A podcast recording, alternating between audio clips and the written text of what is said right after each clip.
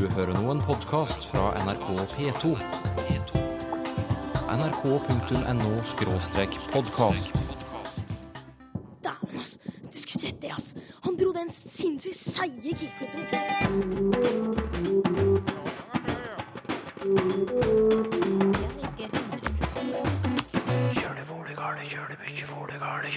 sant? At barn bytter til østnorsk talemål i lek, er langt fra nytt. Min egen far, da, som var barn på 30-tallet, fortalte at de òg holdt på slik. Ikke lett å bli klok på ordet slags. Man kan kanskje si at slags er en blanding av et substantiv og et adjektiv. Litt forvirrende. Ja, litt forvirrende. Og når du går og legger deg, da knyter du påkene. Men påk, det er nå da kjeppel, stav, kanskje særlig til å slå med.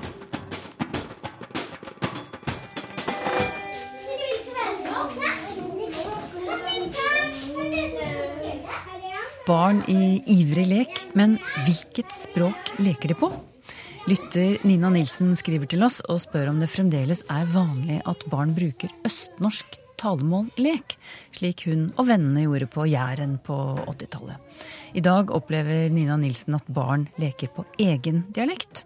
Og hun spør om lek på det vi kan kalle standard østnorsk holder på å forsvinne. Øystein Vangsnes, professor i nordisk språkvitenskap, dette er et tema du interesserer deg for. Stemmer det lytteren vår antyder her, at barn nå for tiden bare bruker egen dialekt i rollelek? Det er ikke mitt inntrykk. Med, egne, med egen personlig erfaring tilsier at eh, barn veksler til eh, østnorsk eh, dialekt når de leker. Da. I sånne typiske rollelekesituasjoner, Og eh, der altså eh, Poenget er at eh, dialogene foregår på, på det østnorske talemålet, mens leiken ellers kan foregå på, på egen dialekt. Ja, hvorfor, hvorfor gjør barn det? Hvorfor trekker barn inn et annet språk eh, i rolleleken, i replikkene sine? Nei, altså, Rolleleik handler jo om eh, å eh, trene på dette her og ta andre perspektiv, gå inn i roller, altså gå ut av seg sjøl nærmest. eh. Og da kan jo det å, å bytte dialekt ved, med å markere den, det skiftet, da. Så det er antagelig der det kommer inn som en sånn eh, eksplisitt markør av det her eh, perspektivskiftet. Mm. Men hvorfor velger de akkurat eh, dette østnorske talemålet?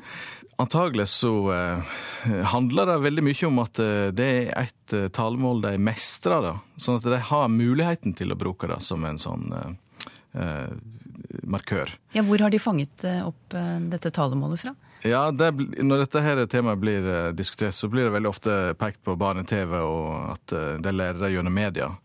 Men det, det er jeg litt skeptisk til at det er den viktigste forklaringen. For én ting er at fra min egen far, da, som, var født, som var barn på 30-tallet, fortalte at de òg holdt på slik. Og da var det jo knapt eh, radio for barn. Ja, hvor, hvor hadde de fanget det opp, da? Ja, altså, det, det tilsier at uh, de må ha lært det på en annen måte. Og det er klart at det her østnorske talemålet har nok vært noe som uh, en har hørt uh, rundt seg, altså utenfor, utenfor der de snakker, da. Blant øvrighetspersoner, eller hva jeg skal si. Sånn at det har nok vært til stades uh, i, i samfunnet. Og så tror jeg jo at den viktigste grunnen til at uh, Eller måten barn lærer dette her, det er fra andre barn. Som er, altså barn som er litt eldre, da. Det blir litt som at uh, ungdomssleng det er jo noe som ungdommen lærer av andre ungdommer som er gjerne uh, to-tre år eldre. sant? Så um, jeg tror ikke det kommer så direkte fra de voksne. Men dette at de velger eh, østnorsk talemål fordi det er et statusspråk, og så sier du er litt tvilende til det. Hvilke andre grunner skulle det være enn at det er et språk som har status? Det kan jo hende at det har med status å gjøre, at det er liksom en, eh, den formen for norsk som har høgst status. At den på en måte troner høgst på et eh, språklig hierarki, hvis man kan si det sånn. Men det kan jo òg være at det rett og slett er den formen for norsk som, som eh, alle kjenner. Altså at de kan skifte til den formen, for dette det er den de kjenner til. De kjenner ikke til masse andre dialekter som de eventuelt da kunne brukt. Men Kjenner du til at barn har valgt noe annet i, i, som lekespråk? Noe annet enn denne østnorsken? Jeg hører jo ja, sånn innimellom så kommer det sånne fortellinger om at ja, eh, barna mine så på barne-TV, og da var det mye bergensk, og så plutselig begynte de å leke på bergensk. Ja. Eller sunnmøring. Altså, så eh, dette veit vi strengt tatt ikke så veldig mye, i hvert fall ikke sånn eh, systematisk eh, Det har ikke vært systematisk undersøkt, da. Mm. Men jeg tror i prinsippet så kan de bruke andre dialekter enn en østnorsk, da. Mm. Men hvordan håndterer da barna grammatikk og andre trekk i dette andre språket som de bruker som lekespråk, da, når de, når de, ja, når de tar det med inn i leken? Ja, Det er jo òg noe som vi kanskje ikke vet så veldig mye om, og ikke har vært veldig systematisk utforska. Men eh, jeg har jo eh, egne opplevelser der eh, mine nordnorske barn, da, eller som snakker nordnorsk dialekt, kan finne på å si sånne ting som vorsen. Sant? Der de omsetter det nordnorske korsen til vorsen. Bytter ut altså bare den begynnelsen på ordet. da. Mm. Så dette er et veldig spennende felt med tanke på å se hva er egentlig deres kompetanse i i det hele lekespråket. Altså, er de, snakker de ordentlig østnorsk? Har de en god kompetanse der? Eller er det eh, Blir de prega av eh, vi kan si, dialektkontakter, at de tar med seg visse ting fra egen dialekt. Ja. Så dette er en av flere ting vi rett og slett ikke vet. For du, som du signaliserte, så er det ikke forsket så veldig mye på Eh, dette med språkvalg i rollelek, det å trekke inn et annet eh, språk. Hva, I tillegg til det du har nevnt nå med hvordan de turnerer grammatikk og sånn, hva kunne du ellers tenke deg å få vite mer om? Ja, altså nå er Det det er en veldig fersk doktoravhandling eh, av en kollega av meg, Carola Kleman. Hun, hun har jo sett på eh, samiske barn og hvordan de veksler mellom samisk og norsk, og òg mellom eh, nordnorsk dialekt og eh, østnorsk. da. Og til og med òg samisk med med østnorsk aksent. Det er jo en eh, detaljstudie, kan vi si, av et, eh, et lite barnespråksamfunn. Eh, men ei større kartlegging av hele landet, der en finner ut hvor hen denne denne dialektvekslingen foregår, det hadde vært veldig, veldig interessant. Slik at vi fikk vite om det er geografiske forskjeller i landet. Om det f.eks. østnorske barn ikke eh, går inn Eh, i en sånn type dialektveksling når de, når de leker da, i rolleleken. Men at barn trekker inn et annet språk i rolleleken sin, er det universelt, eller er det et norsk fenomen? Det er ikke et særnorsk fenomen. Eh, det finnes studier fra eh, Tyskland og fra ja, det er iallfall kjent fra Nederland.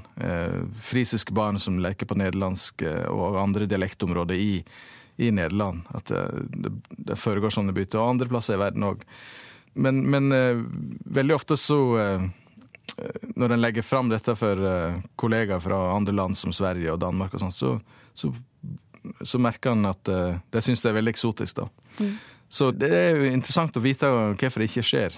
Hvorfor det skjer i visse områder, og hvorfor det ikke skjer i andre. Det kan kanskje være noe å forske på, det også? Øystein Vangsnes er professor i nordisk språkvitenskap ved Universitetet i Tromsø.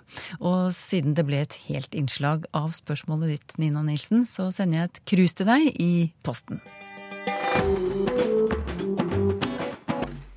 Hva slags blad er det du har i denne kassa der? Nei, det er vel en slags ukeblad? En slags ukeblader. Er det noe rart med det?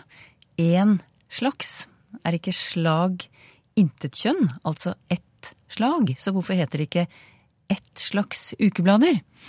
Språkviter Oda Røste Odden, dette har du forsket på, og det var en liten episode som vekket interessen din. Hva var det?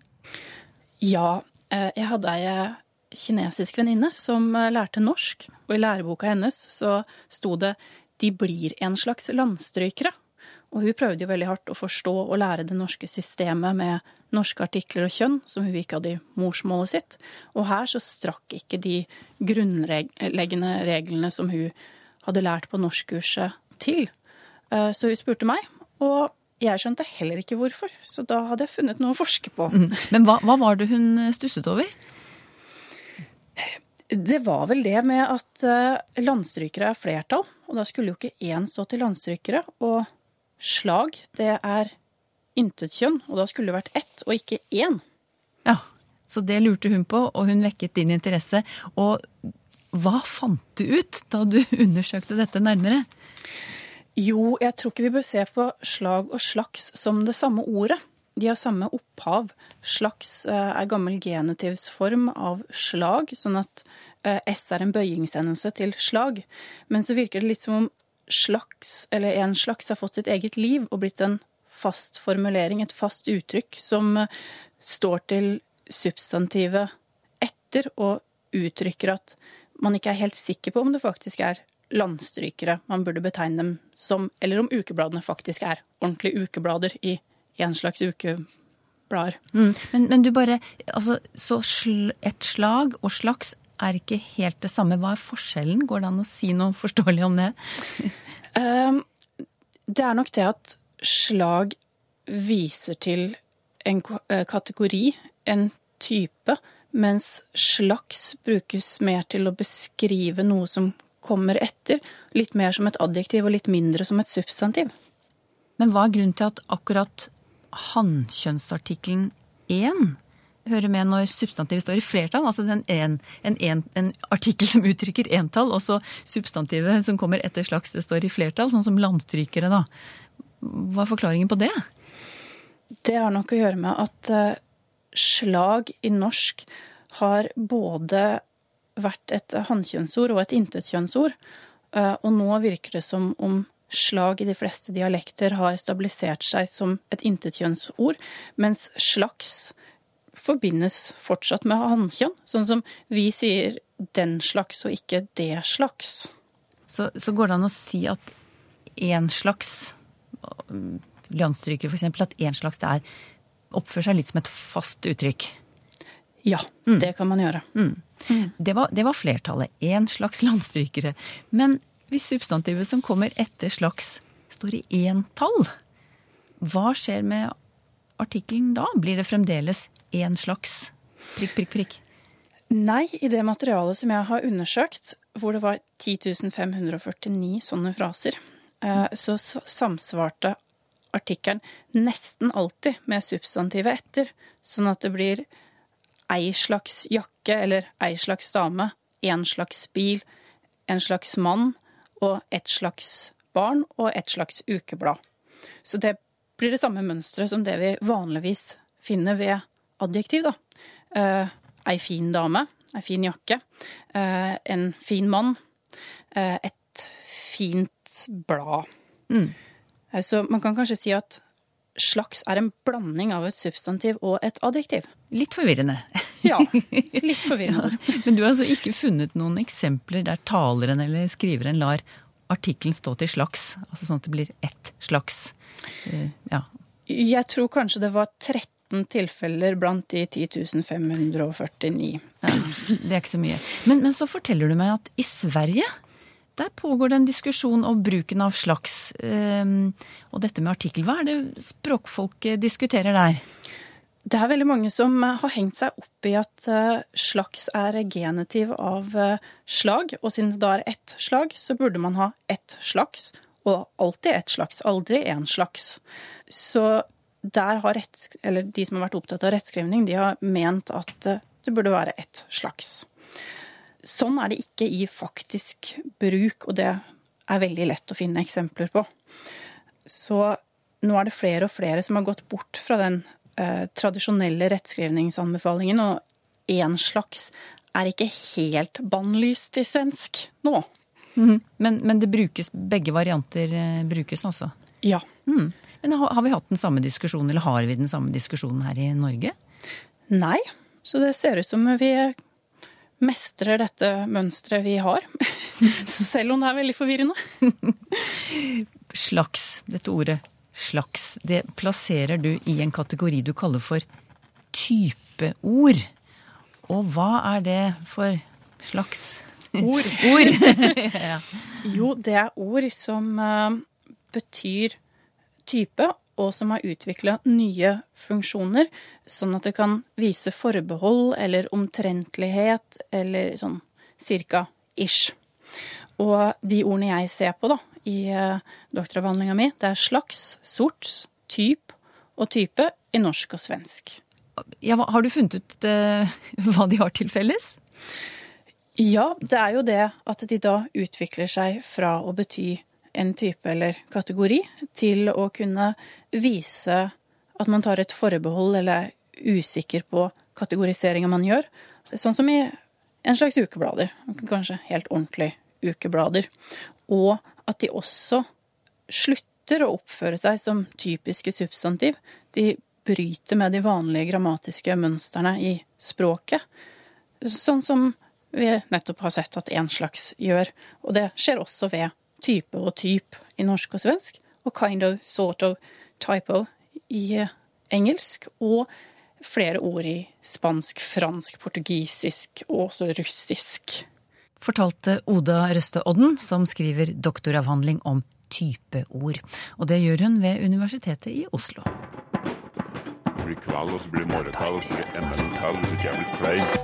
Det handler om å gå og legge seg i dagens første lytterspørsmål. For Tom Rellesve forteller at moren hans pleide å si knyte påkane om å gå og legge seg. Hvordan kan dette uttrykket ha oppstått, vil Tom Rellesve vite. Og for ordens skyld legger han til at moren var fra en bygd sør for Kongsberg, og hennes mor igjen kom fra Rjukan. Om det kan ligge noen nøkler der, Tor Erik Gjenstad? Det kan det kanskje, men eh, jeg må jo si at eh, jeg har ikke funnet det der i det arkivmaterialet som jeg har tilgang til. Akkurat det her å knyte påkene. Det finnes jo andre uttrykk om, eh, som ligner om å gå og legge seg. Knyte beinhaugen, for eksempel, sånn spøk. Og der jeg kommer fra, så var det snakk om altså Far min han sa det at han skulle gå og knyte seg. Knyte seg, altså. Han skulle gå og legge seg. Så det er jo litt eh, slengprega, det her. Men påk, det er nå da kjepp stav, kanskje særlig til å slå med. Og så har du òg Ja, du har en guttpåk, men en er litt større eh, guttunge. Det har du jo òg i svensk, det her med påk. Så jeg lurer på om det her knyter påkene, om eh, påkene her da er å forstå som et spøkefullt ord for, for lemming, altså hendene og føttene, som du da på en måte knyter når du går og legger det i, i ei god sovestilling. Men som sagt, eh, ikke belagt det her, så det var splitter nytt for oss.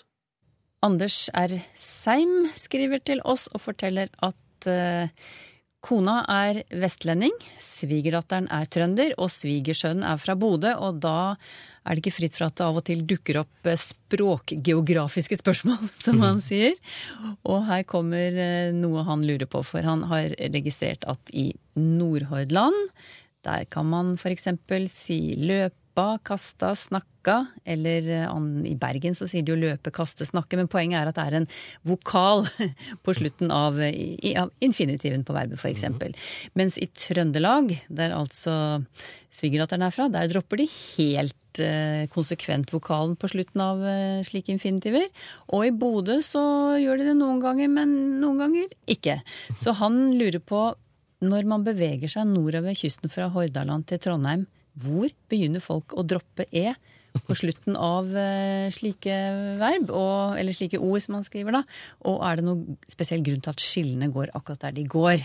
Ja, jeg har jo et poeng der at uh, det der med samkvemmet langs kysten, at en skulle ha venta seg at det var mer likt over hele kysten vår. Og det er jo et godt spørsmål, egentlig. Men eh, for å dra, dra opp geografien kort her, da, så ser det jo særlig nettopp i infinitiver til verb og en bestemt type infinitiver, såkalte overvekts, altså som har hatt eh, lang rotstaving eller førstestaving, typen å, å skrive og kaste. Og der har du jo da på Sør-Vestlandet så heter det jo å skrive og kaste med A til slutt.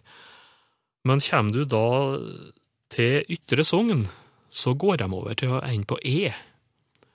Og så eh, er det E hele veien nordover, helt til og med Romsdalen.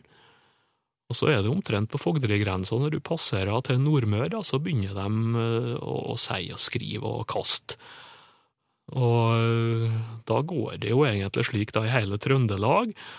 Og kommer du til Nord-Norge, så varierer det litt, men iallfall sånn at Altså, de kan slutte på e eller æ. Og liksom i Salten så er, de jo, er det jo bortfall på alle sammen. Der vil det hete å skrive og kaste. I Trøndelag og, og, Østlandet så er det jo det vi kaller kløyvt infinitiv. Så det er jo én uh, type, den her å skrive og kaste, eller å skrive og kaste på Østlandet. da, Og så har du noen da, sånne jamvektsinfinitiver, som vi kaller det, som har endelse. og Det vil da hete enten å, å fara eller å forrå, ferra, å verra, være, være. Så det er jo det her eh, Østlandet-Trøndelag. Uh, og nei, grunnen det er jo uh, vanskelig å, å, si akkurat hvorfor grensene går der de gjør. Det, det, greier oss vel ikke å svare godt på, men det, det har med samkvem å gjøre. Uh, og nyutviklinga uh, For opprinnelig, hvis vi går til norrønt, så, så slutta jo alle de her på A så har de da eh, fått svekkelse en del plasser. Du kan si at Der de har bare A, altså det sørvestlandsområdet, der har de jo helt på det gamle. Og så har det da skjedd nyutviklinger i resten av landet på litt forskjellige måter. På Twitter skriver Gro i dag har jeg observert et nytt ord, usselig. Er det Ussel og Nusseli som har hatt samkvem, spør hun, og så er det en lang diskusjonstråd under her, den behøver ikke vi å referere, Tor Erik Gjenstad, men hva vil du svare, Gro? Ja, altså at Ussel kan nok ha, ha spilla inn her, men i utgangspunktet så er det her usselig, eller usselig, sannsynligvis nokså gammelt dialektord. Og i Norsk ordbok så er det registrert to to betydninger, eller kanskje to forskjellige ord òg. Det ene er jo da dårlig eller ussel. Ussele vær finnes i Telemark en del plasser, det finnes i Rogaland i form av ussaleg. Det kan òg hete at det var usseleg gjort, altså simpelt eller smålig. Og Ivar Aasen setter jo i forbindelse med usæl og det kan nok være kontakt der. Men du har òg et annet ord, usse. Og et annet ord har en annen betydning, usseleg, som betyr flokete eller vasete, i uorden. Telemark, Aust-Agder. Og det usseleg her, det er laga til et hokjønnsord, usse, som betyr en uryddig dunge eller en sammenfiltra masse.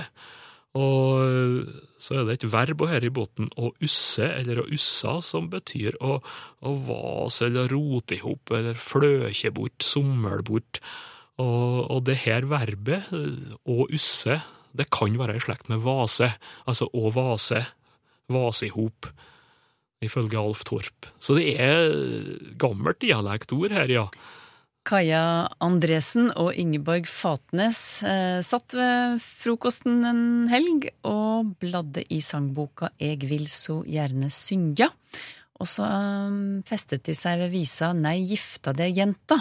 For den fikk dem til å lure på betydningen av et ord, og her kommer et par linjer fra denne visa. Somme ved berre onde fedlen deg fau, andre er nett så ein jokle taka pau. Hva betyr jukle? Ja, det var det. Der visa her, den, den kjenner jeg jo. det Først linja, den tror jeg er slik Nei, gifta deg, jenta, da rår jeg deg ifrau. Mm. Så det er sterke advarsler her. Men eh, en jukle, ja, eh, det er ganske kaldt. For det er vel faktisk ei form av gjøkel. Og O-uttale av det der, det, det, er særlig ja, Sør-Vestlandet og Agder. Og det er vel da kanskje kommet fra ei flertallsform joklar, eller noe slikt, av gjøkull, da. Og det betyr jo både istapp, som henger ned fra et tak, for eksempel, men også da isbre, eller en arm av en isbre som vi kjenner, slik som Hardangerjøkulen. Så det er, det er kaldt. Det er som å, å, ta på is, og det er nå ikke noe særlig å, å komme i lag med. Men du, da, da, må du forklare for oss disse to verselinjene her. Hvordan, hva betyr det? Ja, uh, Første linja det er altså, somme, uh, noen, vil bare få deg under fellen. Altså ja. få deg i seng. Somme vil bare under fellen deg få. Ja, og andre er, er nett som en, eh, som en istapp å ta på, da, som er, som er helt kald. Så er liksom enten eller. Enten er de for heite, eller så er de for kalde. Så det er ikke råd å finne noen som passer. Så det er best å, best å bare la det være. Er, er rådet her, da. Hvor kommer ordet åbit fra, spør Jan Myhre. Han husker at i gamle dager kunne man si eksempel at det var ei åbit tugge når det var lite å spise eller man ikke ble mett. Åbit eh, er i alle fall et måltid, og det er tidlig på dagen. Først måltidet var gjerne kalla åbit, og kanskje særlig om en liten matbit som de tok færre de begynte på først arbeidsøkta. Det er tradisjonell dialekt over store områder. De kan ta bare litt grann en kaffekopp og et eller annet lite bit i før de gikk ned i fjøset, f.eks. Mm. Jeg ser at i bokmålsboka så er det jo annet forklart med frokost. Ja, og det blir jo det. Det er først måltidet på dagen. Men så kan det òg være altså der de har en sånn liten, uh, liten åbit, Mm. et slags lite måltid, så, så kunne selve åbiten også bli andre måltider på dagen. Altså imellom frokost og duggur eller middag. Det er litt mer avgrensa til Midt-Norge, akkurat den. Men i alle fall så er det et eh, tidlig måltid, og det er jo sammensatt med den gamle preposisjonen å, som betyr på, og bit, som i matbit. Og du har det jo eh, eldre tysk anbiss, om et lite mellommåltid, og det er jo preposisjonen an, som er den samme, egentlig, som den gamle preposisjonen å. På tysk så har du imbiss om måltid, men da er det jo en annen preposisjon i første leddet. Da er det inn, som har blitt til imbis. Nei, jeg er nå vokst opp med at Da taler de om færreåbit, om det her lille måltidet. eh, Minimåltidet aller først, og så var de inne igjen og åt en ordentlig åbit. Ni-ti-tida. og så er det ei særbetydning. Den er litt artig og nei, men Den er helt lokal, tror jeg, for Selbu i uh, Sør-Trøndelag. Og det var i bryllup. altså Åbiten der, det var andre dagen i bryllup. Da var det da en flokk med gjester som for rundt i nabogårdene og, og serverte eh, kaffe og lefs og småbrød, altså småkaker og slike ting. Og det var kalla åbit, så der var det snevra inn til, til akkurat andre dag i bryllup. Men åbit, vanligvis så kan du jo ete av det på alle dager. Har du spørsmål til Språkteigen?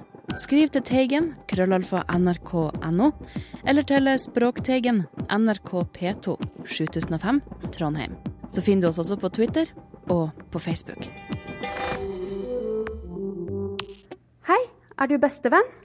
Da, da både, da både getchat. Hvilket språk leker samiske barn på? To språk. Det er ikke først samisk og så norsk de leker på, men de leker på to språk. Språkteigen neste gang.